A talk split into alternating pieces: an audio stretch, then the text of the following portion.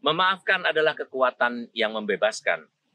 Saudara-saudari yang terkasih, pada masa prapaskah ini, saya ingin mengajak Anda untuk memaafkan siapa saja yang pernah melakukan kesalahan kepada kita.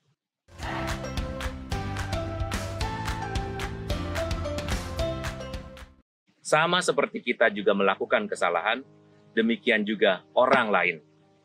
Siapa yang paling dapat membuat kita merasa sakit hati atau terlukai. Barangkali adalah orang-orang yang paling dekat dengan kita. Pasangan, orang tua, anak-anak, dan orang-orang yang paling kita percaya. Tetapi siapa pun mereka, mereka juga adalah manusia biasa seperti kita. Kalau mereka melakukan kesalahan, kita juga melakukan kesalahan. Kalau mereka melukai kita, barangkali kita juga melukai. Tidak dia, tetapi orang lain juga. Dan Tuhan sudah selalu memaafkan kita untuk setiap perbuatan-perbuatan yang kita lakukan yang salah. Maka saya mengajak kita lebih realistis.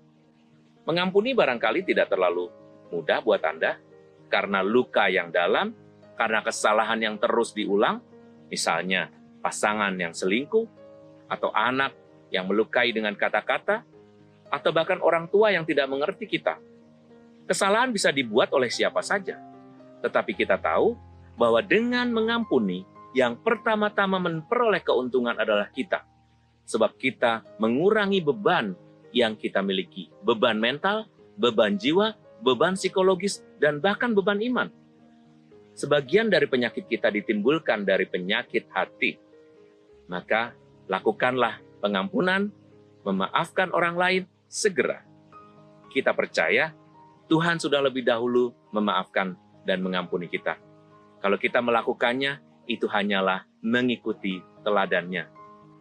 Saudara-saudari yang terkasih, mulailah dengan memahami, mengerti, menerima orang lain, membuat suasana relasi menjadi lebih baik, sehingga kita tidak perlu tertekan kalau berjumpa dengan siapa saja.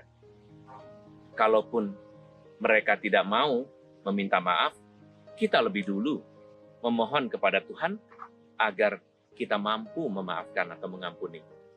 Prapaskah menjadi lebih berguna, prapaskah menjadi lebih nyata, prapaskah menjadi lebih menampakkan Tuhan karena kita mau dan mampu memaafkan serta mengampuni siapa saja yang salah dengan kita.